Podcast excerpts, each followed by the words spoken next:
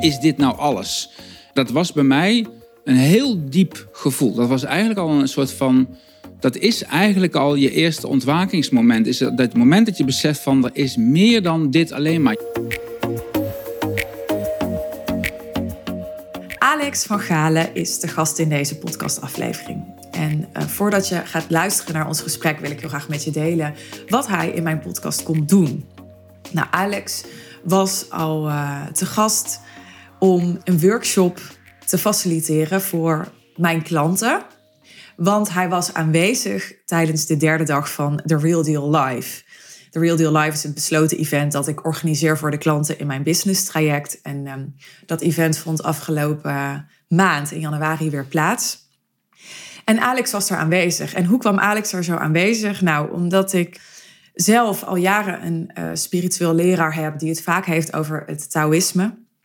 En die uh, niet beschikbaar was om, uh, om daarover te praten, omdat hij helemaal toegewijd is aan zijn spiritual journey. Dus hij ja, voorkomt zoveel mogelijk afleiding daarvan en geeft alleen maar heel selectief coaching. Maar dat, dat woord en dat hij dat woord, die term, dat concept vaak gebruikt, inspireerde mij wel om iets daarvan aan te reiken aan mijn klanten. Omdat ik uh, heel veel daaraan heb gehad, zelf als mens en daarmee ook als ondernemer in mijn ondernemersjourney. En ja, wat zelf heel effectief en behulpzaam voor mij is geweest, dat wil ik heel graag doorgeven. En dus wilde ik mijn klanten daarmee in aanraking brengen. Nou, wat deed ik? Ik ging heel simpel. Je weet, ik hou van simpel. Zoeken in Google op Taoïsme. En een van de eerste die ik tegenkwam was Alex van Galen. En ja, ik geloof altijd dat het universum je helpt als je ergens naar op zoek bent. Als je heel bewust een intentie uitzet. En dus ben ik eigenlijk niet verder gaan kijken. En dacht ik, nou, ik word hier naar Alex geleid. Ik uh, geloof dat ik bij Alex moet zijn. Nou, um, Kim, die uh, voor het grootste deel de Real Deal Live organiseerde, heeft het vanaf daar overgenomen. En uh, heeft ervoor gezorgd dat uh, Alex ja, een hele fijne workshop verzorgde voor mijn klanten. En daarna besloten we om, hè, als ik dan toch mijn klanten in aanraking breng met zijn gedachtegoed, om ja, dat dan ook aan te bieden, dat gedachtegoed, aan mijn podcastluisteraars. Dus zodoende besloten we samen een podcast op te nemen. En daar kun jij nu naar gaan luisteren. Hey Alex, welkom Hey. eh, in de podcast. Dankjewel. Hartstikke leuk om eh, met je te praten. Ja, vind ik ook. Wil je, voordat we in gesprek gaan, even vertellen aan de luisteraar wie jij bent? Heel kort wat over je achtergrond en eh, wat je nu doet, waar je nu mensen mee helpt? Yes, de afgelopen 35 jaar was ik vooral bekend als schrijver en scenario-schrijver van speelfilms zoals Michiel de Ruiter en allerlei eh, televisieseries voor RTL 4. Maar in de kast, ik zeg maar achter de schermen, was ik vooral bezig met meditatie en spiritueel ontwaken. En in de COVID, de- tijdens de COVID, heb ik daar een boek over geschreven en heb ik mijn leven omgegooid. En als Taoïstisch leraar, want uiteindelijk kwam ik bij het Taoïsme terecht en was voor mij eh, de perfecte manier om zeg maar, gelukkig te worden. Als Taoïstisch leraar maak ik nu eh, cursussen, geef ik workshops en eh, help ik mensen de ervaring te krijgen die ik zelf ook gehad heb. Dat is mijn grootste why, zeg maar. Om te, delen wat ik zelf heb ervaren. Je zei net iets en dat bleef even hangen bij mij. De perfecte manier om gelukkig te worden. ik dacht echt, nou ja, nu hangen we aan je lippen. Want eh, Ik dacht, die fiets ik er even in. ja, daar willen we allemaal meer over weten. Ja. Eh, Waarom de perfecte manier om gelukkig te worden? Ja, en dat is dan niet een manier. Waarom? Eh, ja, dat wil iedereen. Het is dan niet een manier waarmee je een methode krijgt om dat doel te bereiken. Daar hebben we het eigenlijk al meteen over eh, filosofische dingen. Maar het, het is vooral loslaten van shit, zeg maar. Je bent al gelukkig als je dat nou eventjes ziet als een zonnetje wat in jou schijnt, maar waar allemaal wolken voor hangen. En wat het Taoïsme doet, is vooral een lichaamsgerichte manier om de wolkjes weg te laten drijven.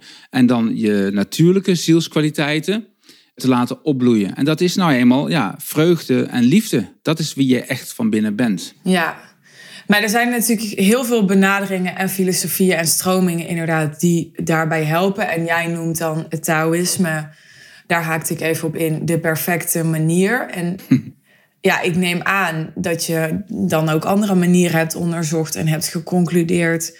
Nou, dit, is voor mij ja, de holy grail, zo noem ik het maar even.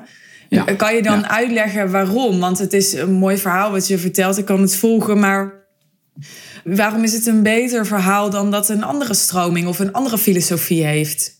Ja, ik moet ten eerste zeggen, het is voor mij de perfecte manier uh, gebleken. En uh, dus uh, laat ik dat even zeggen. Ik ben begonnen op mijn 22e met Kriya Yoga. Ik, ik vond ook een verlichte guru die ook echt verlicht was. Daar heb ik jarenlang van leren mediteren en allerlei inwijdingen gekregen. Probleem met veel meditatievormen, die vooral ook in het Westen beoefend worden. In het Westen zitten we heel erg in ons hoofd. En we beleven de spiritualiteit vaak ook vanuit ons hoofd. Of vanuit ons hart, hè, in het allerbeste geval. Maar uh, dan is het heel moeilijk om vanuit die hogere sferen om je spiritualiteit te integreren. En wat je vaak ook merkt is dat mensen zichzelf gaan saboteren in dat proces. Dat noemen we dan spiritual bypassing. Dan ga je in die hogere sferen, die hogere chakras, je hoofd en je hart, allemaal love and light proberen te ervaren. Maar dat is niet wie jij echt bent. Je hebt nog een heel ander deel van jezelf, komt dan niet aan bod. En dat begint dan jou te saboteren. Want je, wat er zeg maar dieper in jou zit, je instincten, je emoties, je emotionele blokkade, die willen ook meepraten en die willen gezien worden, zeg maar, om het even soft te zeggen. Taoïsme is een hele lichaamsgerichte benadering, waarbij ook de buik betrokken wordt. En dat had ik heel erg hard nodig, want hoe meer ik mediteerde, en het was echt uren per dag, ik had wel allemaal prachtige uh, transachtige ervaringen, samadhi-ervaringen noem je dat dan. Maar ik was gewoon super ongelukkig, gestrest. Ik had allerlei uh, kwalen, lichamelijke kwalen en totaal uit balans. En Taoïsten zeggen dan, dan heb je te veel vuurenergie. Je hebt te veel energie die in je lichaam omhoog stijgt naar je hoofd. Mentale energie. Nou, ik denk dat jouw luisteraars dat waarschijnlijk wel herkennen. Jouw klanten ook bleek vorige week toen we samen waren met een aantal klanten van jou. Van ja, dat is die vuurenergie die, waardoor je ja, eigenlijk je hoofd niet meer kunt stopzetten. En dat je s'nachts niet meer kunt slapen en uh, niet meer kunt ontspannen. En uh, wat ontbreekt, dat is de waterenergie, de wat zachtere vrouwelijke energie die naar beneden stroomt en die een connectie heeft met de aarde. Dus die balans, toen ik die balans in me ging vinden door hele eenvoudige oefeningen, waarvan ik echt dacht van ja, slaat nergens op. Over mijn buik wrijven, wat heb ik daaraan? Ik wil de verlichting bereiken, weet je. Mm. Maar toen ik juist dat ging doen, toen viel alles op zijn plek. En toen ging het ontwaken eigenlijk moeiteloos. Daarom heet mijn boek ook Moeiteloos Ontwaken. Het was een moeiteloos proces en ik had zelf niet eens door dat ik aan het ontwaken was. Puur door mijn lichaam erbij te betrekken. Nou, interessant. Ik, ik heb naar aanleiding hiervan alweer heel veel nieuwe vragen. Te beginnen met, je zegt even tussen neus en lippen door, ik mediteerde echt uren per dag.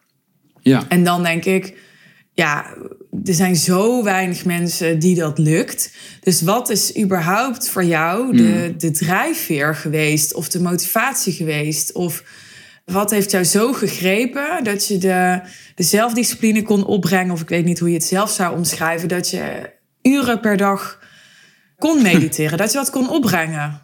Ja, wat voor mij heel natuurlijk was, dat is voor mijn leerlingen en cursisten, is dat juist het grootste obstakel van inderdaad die discipline. Van hoe zorg ik ervoor dat ik ook daadwerkelijk dat ga doen. Ja, ik, toen ik 22 was, ik herinner me dat moment nog heel erg goed. Uh, toen studeerde ik in Utrecht. Ik was wezen piano spelen ergens en ik stond voor de deur van het studentenhuis. Helemaal nat geregend, het was november. Helemaal koud, mijn, mijn sleutels uh, flikkerden op de grond. En ik had zoiets van, jezus, er moet echt gewoon meer zijn in het leven dan dit. Dat was echt zo'n gevoel van, is dit nou alles? En, maar dat was bij mij een heel diep gevoel. Dat was eigenlijk al een soort van dat is eigenlijk al je eerste ontwakingsmoment. Is dat het moment dat je beseft van er is meer dan dit alleen maar. Je ziet overal mensen achter van alles aanrennen. Dingen buiten zichzelf waar zij denken gelukkig van te worden. Maar dat zag je op je 22ste al? Ja, ja. En ik dacht van, wat ik ook ga doen, hè, later heb ik een hele carrière gehad in de film en zo. Wat ik ook ga doen, dat geluk in mezelf zoeken, die spiritualiteit, dat moet mijn belangrijkste doel zijn. En dan ben ik wel een beetje een freak. Uh, ja. Dus dat ik uh, daar dan ook heel. Ja, dan, dan stop ik niet voordat ik dat heb. Ja, je was daar helemaal aan toegewijd. Ja. Maar je moet dan toch ook al in die tijd met spiritualiteit in aanraking zijn gekomen of zo. Waren jouw ouders daarmee bezig of iemand in jouw omgeving? Want je moet daar wel mee in aanraking komen, nou, toch? Het krankzinnige is van, je had toen geen internet, helemaal niks. En het enige wat ik wist, ik, er was toen een televisieserie in de jaren zeventig, dat heette Kung Fu. En dat ging over een jongen die kwam bij een Taoïstisch klooster. En, uh, en achteraf pas besef van, hey shit, dat waren ook Chinezen, dat was een Taoïste. Het klopte ook precies. Er was een jongen die werd aangenomen bij zo'n uh, Shaolin klooster. En, die kreeg een, een leraar. En die leerde hem allerlei dingen, mediteren en vechten.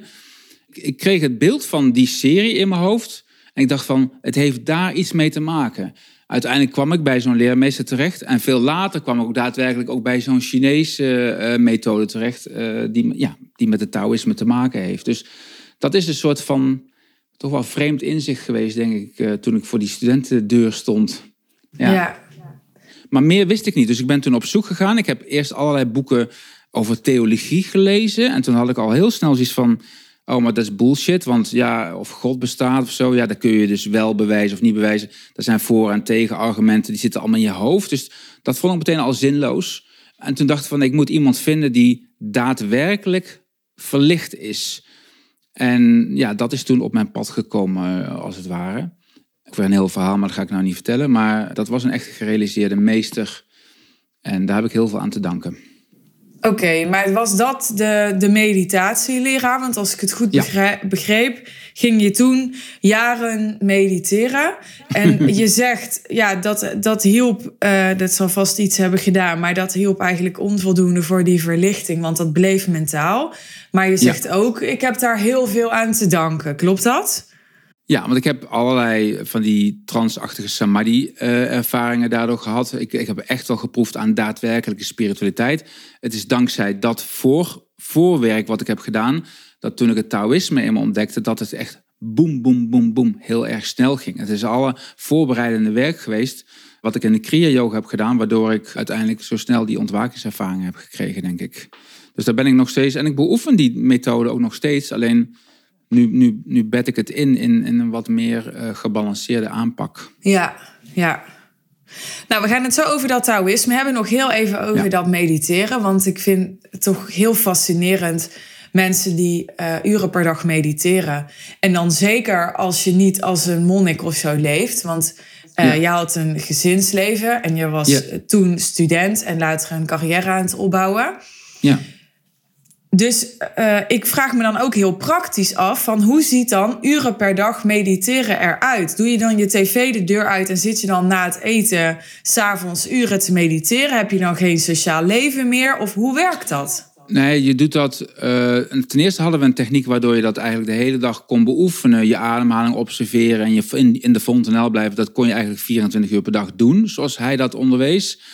Maar het is gewoon vroeg opstaan. En dan zorgen dat je al een belangrijk deel van de meditatie gedaan hebt. En dan s'avonds, als de kinderen naar bed zijn, daar ook weer tijd voor uittrekken, inderdaad. En voor mij was dat, had niets met discipline te maken. Ik had gewoon enorm sterke drive om dat te doen. Ik wilde het graag. Ja, heel veel mensen die horen zo van, ja, mediteren, dan moet ik tegen mijn gedachten vechten. Bij Kriya Yoga, maar ook bij de Taoïstische meditatie, vecht je niet tegen je gedachten. Dat, is, dat vind ik een hele onaangename manier om te mediteren. Je kunt beter met energie of met ademhaling werken. Dan gaat het ook veel makkelijker. En dan krijg je er ook meer energie van. Dus dan is het ook een leuke manier om op te laden. Ja, oké. Nou, daar gaan we het zo nog over hebben. Dat vind ik ook interessant. Maar wat ik ook nog fascinerend vind aan wat je vertelt, is je hebt dus jarenlang uren per dag gemediteerd. En vervolgens uh, kwam je in het ziekenhuis, als ik goed begrepen heb, en bleek je heel erg gestrest te zijn. Dat was zichtbaar in, je, in je lichaam. Ja, hoe is mogelijk, hè? Ja, je, je, nou, dat, een leek zou dan denken van... ja, hoe kan dat dan? Hè? Hoe kan dat dan samengaan? En, en ook van, ja, maar heeft al die meditatie dan toch wel zin gehad of zo? probeer gewoon even op de stoel van de duivel te zitten. vind ik altijd leuk. Nee, maar dat is precies wat ik mezelf ook afvroeg. Van, hoe kan dat? Dus ik, uh, ik had last van enorme maagzuur en mijn bloedsuikerspiegel en zo. En ik ging naar het ziekenhuis. Daar wordt dus een slang in je maag gestopt om te kijken of er wat aan de hand is. En toen zei die verpleegster, ja, je bent gewoon een stresskonijn. En, en eh, ik was echt diep beledigd. Ik zei, ja, maar ik mediteer uren per dag. En ze zei ja, maar als er geen bacterie wordt gevonden in je maag, dan is het stress. En, en dat kan alleen maar als je heftig aan spiritual bypassing doet. Dus dat is dan dat je, je voelt je eigenlijk ongelukkig. Ik was denk ik heel ongelukkig in die tijd. En dan probeer je die meditatie te gebruiken om, om, om je prettig te voelen, om in love and light te zijn. En dat geeft een soort spanning in je lichaam. Je gaat dan je negatieve gevoelens ook wegdrukken. En die komen dan in je lichaam terecht. Dus emoties die niet kunnen stromen, die zetten zich vast in je organen. Ja. En uh, ja, dat is gewoon funest. Ja. Dat is echt funest. Dus als je de hele dag alleen maar positieve emoties wil voelen, dan ik krijg er al buikpijn van als mensen nu, als ik dat soort mensen tegenkom, of als ik zo'n Amerikaanse guru hoor zeggen, ja, it's all great en zo, dan, dan krijg ik al meteen plaatsvervangend buikpijn. Want dan weet ik wat er in dat lichaam gebeurt. Als je dus niet in contact wil zijn met, ja, met je hele wezen, met, met alles wat je bent. Ja, met de dark side ook. Ook de dark side, ja. En die is een stuk minder dark dan je denkt. Op het moment dat je daar gewoon bij blijft, dan komt er heel veel ruimte en heel veel licht. Ja. En hoe uh, herken ik nou als ik iemand ben die, uh, die praktiseert, die mediteert? Hoe herken ik dat ik aan, uh, aan spiritual bypassing doe?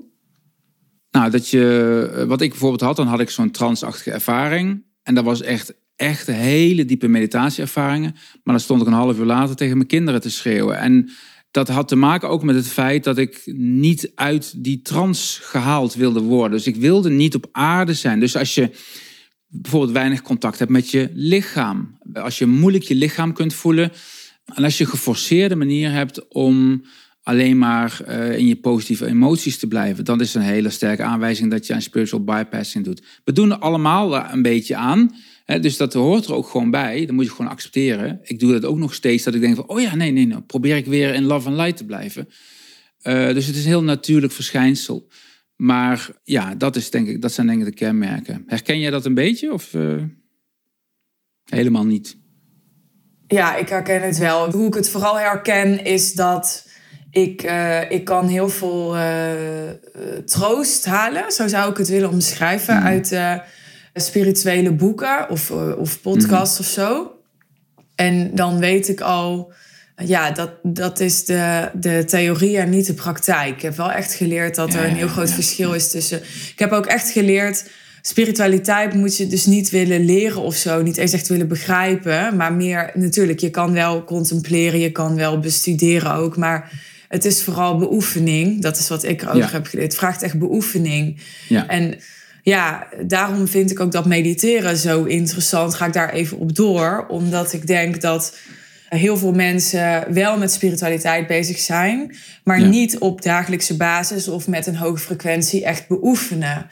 En ik denk dat dat, ja, dat, dat makkelijk een skippiebal onder water drukken wordt. Ben je het daarmee eens? Ah, op die manier. Ja, ik denk dat de manier waarop ik vrij fanatiek mediteer, dat dat veel meer een skippiebal is. Ik denk als je gewoon in de wereld bezig bent ben je gewoon jezelf. En ja, dus ik denk niet dat dat zo heel erg zo is. Nee, je leeft dan gewoon je leven en dan ben je toch ook redelijk in contact met jezelf. Als je heel geforceerd alleen maar in die spirituele energie probeert te blijven, dan. Kijk, wat ik wel vind is dat die meditatiemethodes, die zijn allemaal ontstaan op het moment dat mensen alleen maar mediteerden in grotten en in ashrams. Ja. Dat is echt gewoon duizenden jaren geleden. Ja. Maar uh, nu het zo wijd en breed uh, verspreid is in de wereld. Uh, wij, we hebben allemaal een gezinsleven. Je hebt een kind, ik heb kinderen, we hebben een carrière en je mediteert erbij. Dan is mediteren niet meer genoeg om gelukkig te worden, als het ware. Het is, je moet het inbedden in je, in je we noemen dat integrale spiritualiteit. Ja je carrière, je seksleven. Het moet er allemaal bij kloppen. Want dat vind ik wel goed dat je dat zegt. Van, eh, het is dan de theorie in dat boek en niet in de praktijk. Die theorieën zijn vaak duizenden jaren oud. Maar die praktijk, daar zitten wij in. En daar moeten we ons ook in staande zien te houden. En daarom is bijvoorbeeld therapie in combinatie met uh, spiritualiteit... is aangetoond dat het je meditatieproces enorm versnelt. Dus het zijn de moderne technieken die je kunt beoefenen... En dan is de kans op spiritual bypassing veel en veel kleiner. Want dan ben je daar op een normale manier mee bezig. Dus dat gevoel van spiritualiteit is iets verhevens, wat ik alleen maar op zondag doe in de kerk of uh, op een ashram, in een ashram op een berg. dat geeft ook een beetje dat, zo, dat verhevene, dat, dat, dat spiritual bypassing gevoel, denk ik. Uh, het is een normaal ding. Ja, nee, ik snap dat jij dus eigenlijk het, het wil normaliseren meer of meer integreren als inderdaad een beter woord. En ik snap ook dat je dus zegt van het, het risico op spiritual bypassing is daardoor eigenlijk minder als je juist heel erg je leven leeft. Wat ik denk ik bedoelde, ik ben benieuwd hoe je daar naar kijkt, is dat als je niet oefent om. Ik heb bijvoorbeeld de, de cursus bij Jan Geurts gedaan. Dus ik ben ook een beetje beïnvloed in mijn kijken door wat hij dan zegt. Ik hoop dat ik het goed uh, verwoord. Maar als je niet beoefent om de waarnemer te zijn. Dus mhm. als je niet oefent om te kijken naar je gedachten in plaats van dat je ermee geïdentificeerd bent. Of te kijken naar je emoties in plaats van dat je denkt dat je emoties bent dan kan je op het moment dat je die, die spiritualiteit en dus die, die waarnemer nodig hebt, kan je die veel minder uit de kast trekken. Dat is iets wat je moet, ah, wat je moet oefenen op dagelijkse basis. Om zeg maar, when shit hits the fan, om dat toe te kunnen passen. En niet helemaal, ja, ofwel positief, want het hoeft natuurlijk niet negatief mhm. te zijn, maar ofwel positief ofwel negatief, meegesleurd te worden in je emotie want ook positief heeft iets gevaarlijks. Want als jij op een gegeven moment succesvol bent. En je denkt, ja, weet je wel, nu heb ik het gemaakt. En uh, sta ik uh, bovenaan de piramide. En ja, dat is nooit voor eeuwig. Want alles verandert altijd, heb ik geleerd. Dus op een dag uh, rol je er vanaf of donder je er vanaf. En dan wordt het lijden weer des te groter. Ja. Ja, zoals ik, ik vind het heel mooi zoals je het formuleert. Ik snap wel wat je bedoelt, denk ik. Zoals ik het zie, is van, kijk, uh, je hebt allerlei emoties. En, en die wil je eigenlijk niet voelen. En dan, als je dan zo'n meditatiemethode gaat uh, beoefenen, dan komt er ruimte. En dan voel je van, oh, ik ben niet die emoties. Ik ben dat niet. Dus, er is, dus dan word je een beetje de observer, hè? Eh, de waarnemer, zoals jij zegt. En dat is een heel prettig gevoel. En het gevaar is dan dat je dat prettige gevoel wil vasthouden. Maar dat vasthouden komt van je ego, dat is controle. En die controle, dat is spiritual bypassing. Dus dat, dat fijne gevoel, wat op zich heel oprecht was en ook uh, organisch, zeg maar, om dat vast te willen houden. Ja. En dan wordt die beweging tussen gewone leven en je meditatie wordt dan wat geforceerd. Terwijl je, wat, wat ik heb geleerd, wat een van de eerste dingen die ik leerde was van, ik heb diepe meditatieervaring. En daarna moet ik weer gewoon de wereld in en normaal doen, zeg maar. En ik moet niet proberen om dat steeds krampachtig vast te houden. Nee, nee helder. Je hebt uh, dus jarenlang intensief gemediteerd. dat is echt fascinerend voor jou. ja, nou ja, ik, ik, ik, noem, ik haal het er even aan omdat ik probeer een soort chronologisch verhaal ervan te maken, zodat mensen dat kunnen. En dus het volgende wat ik wilde zeggen is, als ik het goed begrijp, kwam je toen in het, uh, belandde je toen in het ziekenhuis. Dat was een soort sleutelmoment. Ja, er waren een aantal flinke crisissen in mijn leven. En dat ziekenhuis was wel een, uh, een openbaring. Ik kwam niet in het ziekenhuis terecht in de zin van dat ik daar moest worden opgenomen. Maar ik moest daar voor een onderzoek naartoe. Ja. En wat ik, dat was wel verbijsterend om te horen. Van ja, jouw lichaam zit vol stress. Ja, ja. En was dat dan ook het moment dat je het anders ging doen? Dus dat, dat je uh, dacht van oké, uh, dit heeft me tot hier gebracht, maar nee. nu... Oké. Nee, want je bent gewoon eerst in denial. En denk van, nou ja, dat kan niet. Het oh, heeft een aantal jaren geduurd zijn wel vrij snel toen in therapie gegaan. En er was zo'n, zo'n, op een gegeven moment ging mijn guru, die ging dan dood. En uh, op een gegeven moment kom je in een scheiding terecht. En dan gaat er van alles, wordt er omge, omgewoeld in je leven. En dat zijn de momenten, Ton Lathouders, dat is een Nederlandse zenleraar, die zegt van, als je met je rug tegen de muur staat en je weet echt niet meer wat je moet doen, ja, wat doe je dan? Dat is het moment van totale, dat je merkt dat alle strategieën van je ego, dat die gefaald hebben. En dat schijnt. Wacht, dat vind ik interessant. Kunnen we daar heel even op doorgaan? Want ik denk. Dat, dat, schijnt een, dat schijnt een klassiek moment te zijn vlak voor het ontwaken. En dat heb ik meerdere malen. Heb ik dat, dus bij mij is dat in fases gegaan. Van, uh, dat je het gevoel hebt van. Kijk, je probeert gelukkig te worden door allerlei strategieën. Je ego probeert allerlei strategieën aan te wenden. En er komt een moment, en misschien moet je er wat ouder voor zijn of whatever, uh, en dan dat je beseft van niets heeft gewerkt. En dan wordt in feite de zeepbel van je leven wordt doorgeprikt. En dat is gek genoeg een prachtig moment, want dan heb je een soort van overgave. Je kunt het alleen nog maar loslaten. Van ja, het heeft gewoon niet gewerkt. Ik weet het niet. En daar komt dan ook weer enorme ruimte. Dat, is een, dat noemen ze dan in de klassieke eh, religie, zo noemen ze dat een moment van genade. Dat is denk ik een, een ontwakingsmoment. Ja. In de diepste ellende vind je, vind je vaak toch wel de parels in je leven. Ja, dat klinkt wel heel erg zoals ik dat nu uh, zeg, maar je begrijpt denk ik wel. Mogen we het daarover hebben, over zo'n crisis? Ja. Ik ben benieuwd, ehm, ja, hoe zag dat eruit? Even om, want ik normaliseer dat graag, weet je wel, dat dingen dan allemaal gefaald zijn en zo. Ik denk dat dat heel belangrijk is voor ondernemers, dat, ja, juist omdat ondernemers een soort beoordeeld worden op, op succes. Hè? Als je succes uh, hebt, dan heb je het goed gedaan als ondernemer. Ja. En ja. Uh, in, waar het in Amerika heel normaal is en je er eigenlijk niet bij hoort als je uh, niet failliet bent gegaan, is dat in Nederland toch anders, is mijn ervaring. Ja. Dus ik vind daarom interessant om even in te gaan op dat falen. Want jij zegt, ik had zo'n crisis. En ik merkte alles wat ik tot dan toe had gedaan, dat had niet gewerkt om in ieder geval gelukkig te worden. Dat is misschien nog iets anders dan om succesvol te zijn of om doelen te behalen. Maar in ja. ieder geval niet om gelukkig te worden.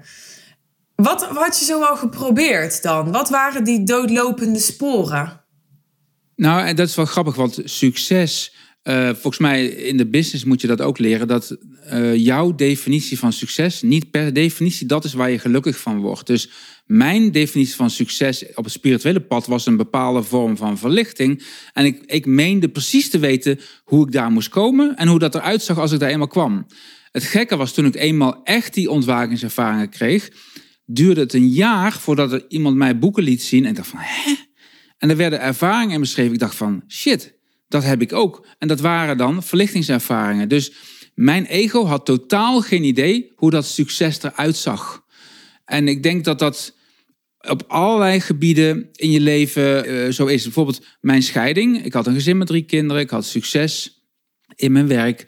En op een gegeven moment ga je scheiden. Nou, ik ga niet allerlei details uh, noemen, maar het is van het zeepbelletje van het gelukkige gezin, waarin, jij, waarin jouw kostje gekocht is voor de toekomst. Van ik weet in ieder geval een vrouw met wie ik voor de rest van mijn leven gelukkig ben, bladibla. Dat blijkt een totale mythe te zijn. En dan ga je, mensen die gescheiden zijn, die gaan heel anders kijken naar relaties. En ik woon nu ook weer in zo'n zo'n straat met gezinnetjes. En dan kijk ik daar zo van, nou, oh ja, die mensen geloven nog in die illusie. En daar bedoel ik niks negatiefs mee. Ik bedoel echt niet dat die mensen niet getrouwd moeten zijn, maar mijn concept van succes op relatiegebied is volledig doorgeprikt.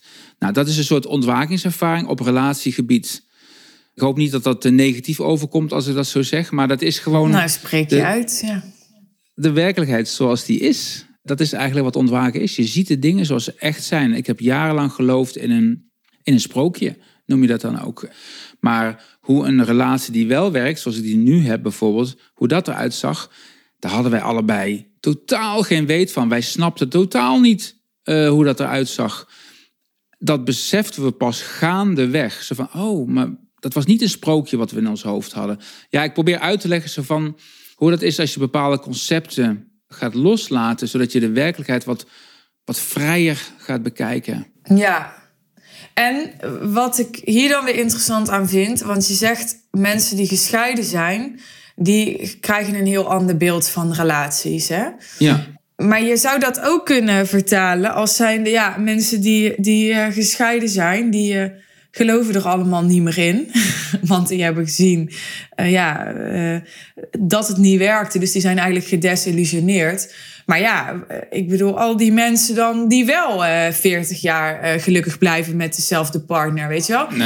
Ja, natuurlijk. Nee, natuurlijk. Nee, ik, ik praat puur over mijn ervaring. En het was ook absoluut niet dat ik er niet meer in geloofde. Het is alleen dat het ego-concept, zo van het perfecte huwelijk, dat dat bij mij werd doorgeprikt. En dat je dan nooit meer op dezelfde manier naar relaties kunt kijken. En dat je dan ook leert om ja, shit uit je jeugd niet meer op een partner te projecteren. Je gaat natuurlijk ook kijken van wat heb ik eigenlijk fout gedaan? Wat, op welke manier stond ik ongezond in een relatie. En je leert daar ontzettend veel van. Dus het loslaten van false beliefs, noemen ze dat geloof ik in het Engels, dat is een hele bevrijdende ervaring. Het is niks negatiefs aan. Er zijn inderdaad heel veel mensen die scheiden en die gewoon totaal depressief dan van worden en uh, daar niet meer in geloven.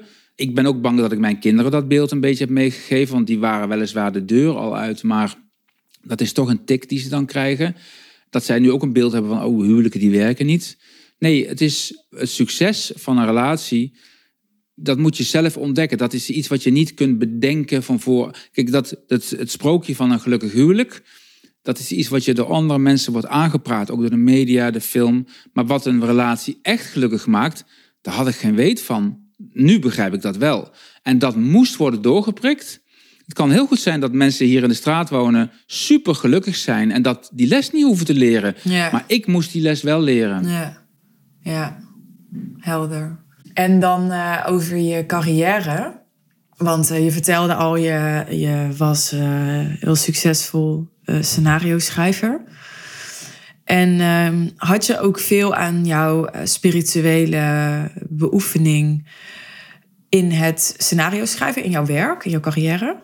Oei, nou, ik, ik kon er niks mee inhoudelijk, kon ik er niks mee. Dus ik ging geen spirituele films schrijven. Maar het openstellen voor iets, voor een, eh, een hogere vorm van bewustzijn, inspiratie, dat is wel een skill die ik nu heb. En ik merk dat me dat nu in mijn spirituele werk ontzettend helpt. En dan heb ik niet alleen over als ik een YouTube-video aan het maken ben of een nieuwe cursus aan het ontwikkelen ben, maar gewoon, gewoon de hele dag door voel ik een soort van verbinding wel. Ik denk dat ik van schrijven ontzettend veel geleerd heb, ja. ja. Dus dat. Maar dat klinkt misschien ook een beetje woe-woe.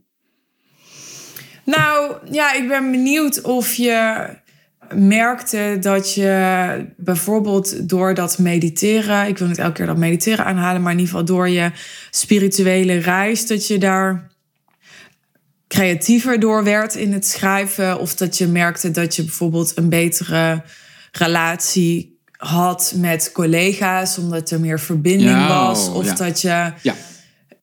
Uh, um, ja, ik denk het wel. Kijk, ik, ik zie het ego als een soort kramp die je hebt in je, in je, in je bewustzijn. Je kunt niet een goede schrijver zijn als je ego steeds in de weg staat. Dus je moet zelf als het ware een stapje opzij doen om inspiratie te laten stromen.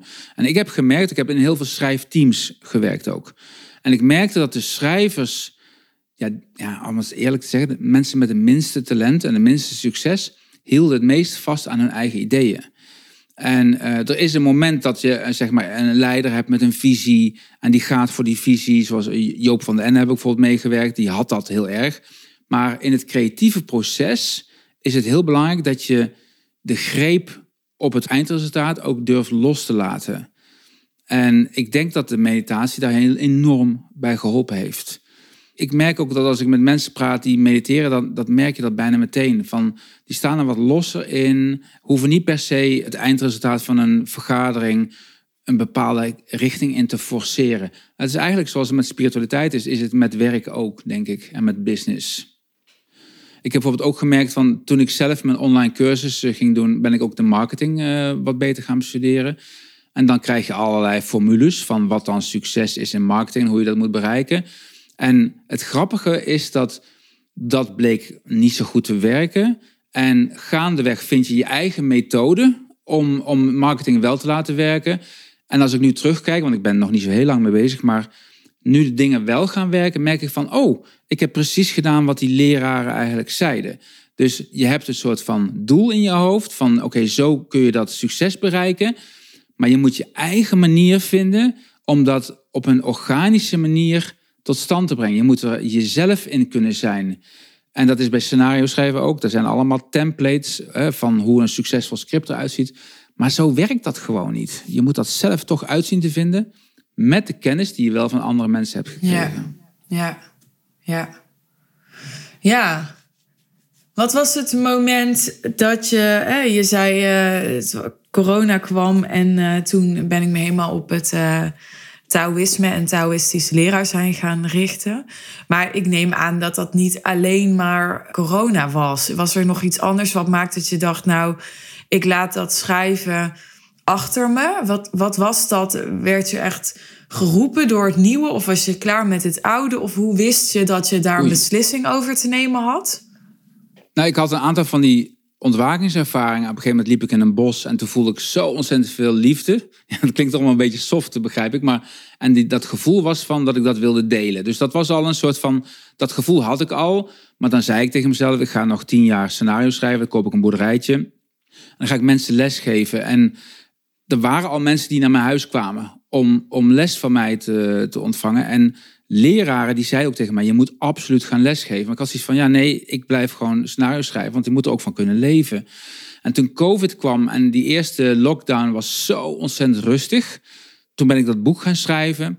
En toen voelde ik gewoon heel sterk van: ik kan gewoon niet terug. Ik kan gewoon niet terug naar mijn oude leven. Want ja, het is letterlijk een leven van fictie. Hè? Het is, je schrijft fictie, je bent met sprookjes bezig. En ik wilde dat gewoon niet meer. Ik wilde eigenlijk in de waarheid leven klinkt een beetje zwaar, maar dat is eigenlijk wel wat het was. En maar toen dacht ik van ja, maar ja, dan moet ik er ook geld mee gaan verdienen. Dus toen kwam er nogal wat op gang. Het was, uh, maar daardoor ook ben ik, heb ik een enorme sprong in het diepe genomen. Want ik heb op een gegeven moment gedacht van, dan ga ik ook niet terug. Ik doe geen enkele moeite om het komend jaar scripts te schrijven of zo. Ik, ik stort me hier volop. En ja, toen kon ik ook niet meer terug. Toen de wereld weer open ging, zat ik als, als het ware aan vast. Dus uh, ja, maar wel leuk. Ik uh, ben heel blij dat ik die beslissing genomen heb. Je zegt, ik uh, geef les aan mensen. En uh, hoe, hoe moet ik dat noemen? Dan, dan krijg ik les in de taal. Noem je dat zo? Ja. In het Taoïsme? Ja, dus het is een lichaamsgerichte spiritualiteit. je hebt 72.000 meridianen in je lichaam lopen. En daar loopt chi doorheen, energie, en die zit vaak geblokkeerd. En er zijn methodes om dat op een hele eenvoudige manier weer te laten stromen, zodat je dieper in je lichaam zakt. Uh, ik leer mensen dus uh, qigong om te bewegen.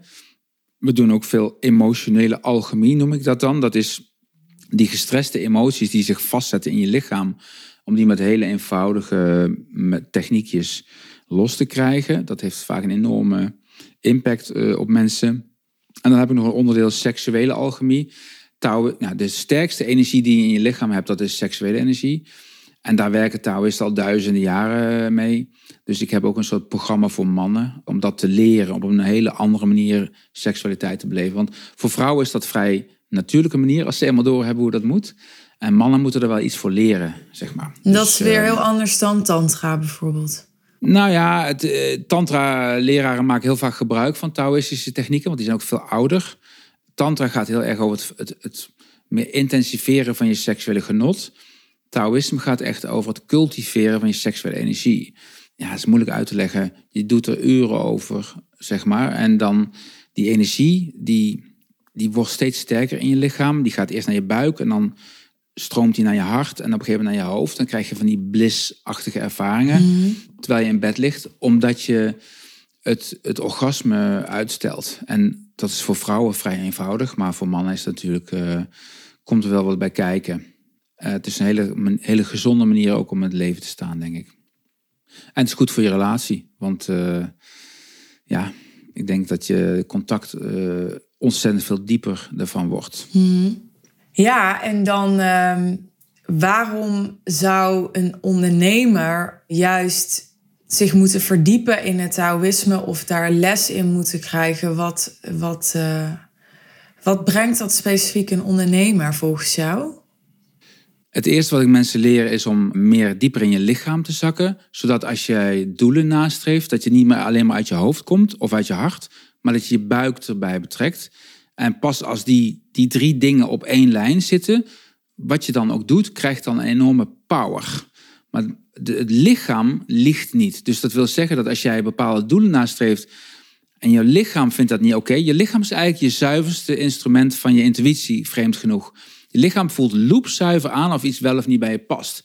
Als je leert je lichaam daarbij te betrekken, je buik noemen we dat dan, dan wordt het makkelijker om grenzen aan te geven in relaties, ook op de werkvloer, meer kracht te hebben, et cetera, et cetera. En om meer energie te hebben om je doelen na te streven. Dus dat is een hele praktische. Hè, we hebben dat vorige week hebben we dat met een aantal van jouw cliënten hebben dat gedaan.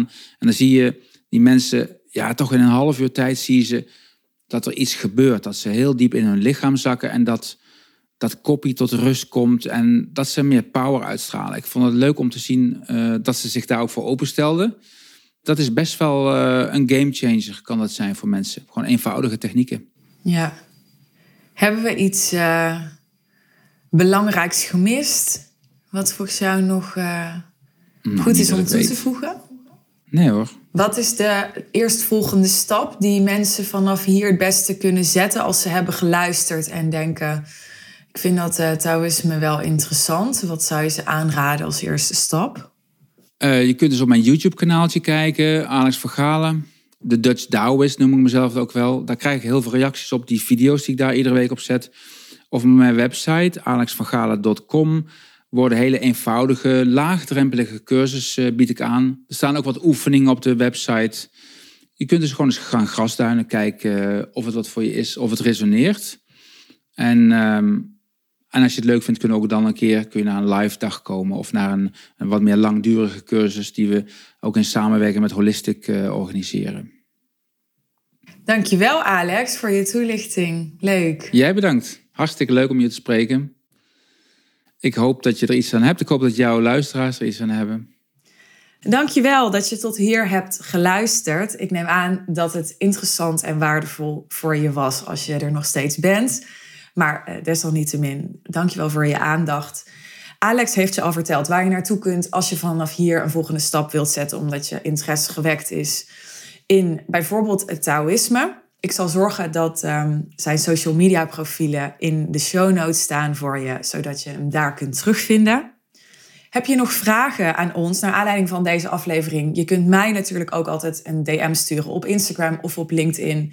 Of benader Alex zelf als je een vraag wilt stellen aan hem. En voel je helemaal dat deze aflevering ook van waarde kan zijn voor jouw netwerk? Dan waardeer ik het enorm als je de podcast wilt delen Bijvoorbeeld op jouw social media, zodat uh, meer mensen naar dit gesprek kunnen luisteren. En we meer mensen kunnen inspireren, op ideeën kunnen brengen en kunnen helpen met deze content. Dankjewel alvast. Heel graag tot de volgende podcast. En uh, wellicht talk soon. Bye bye.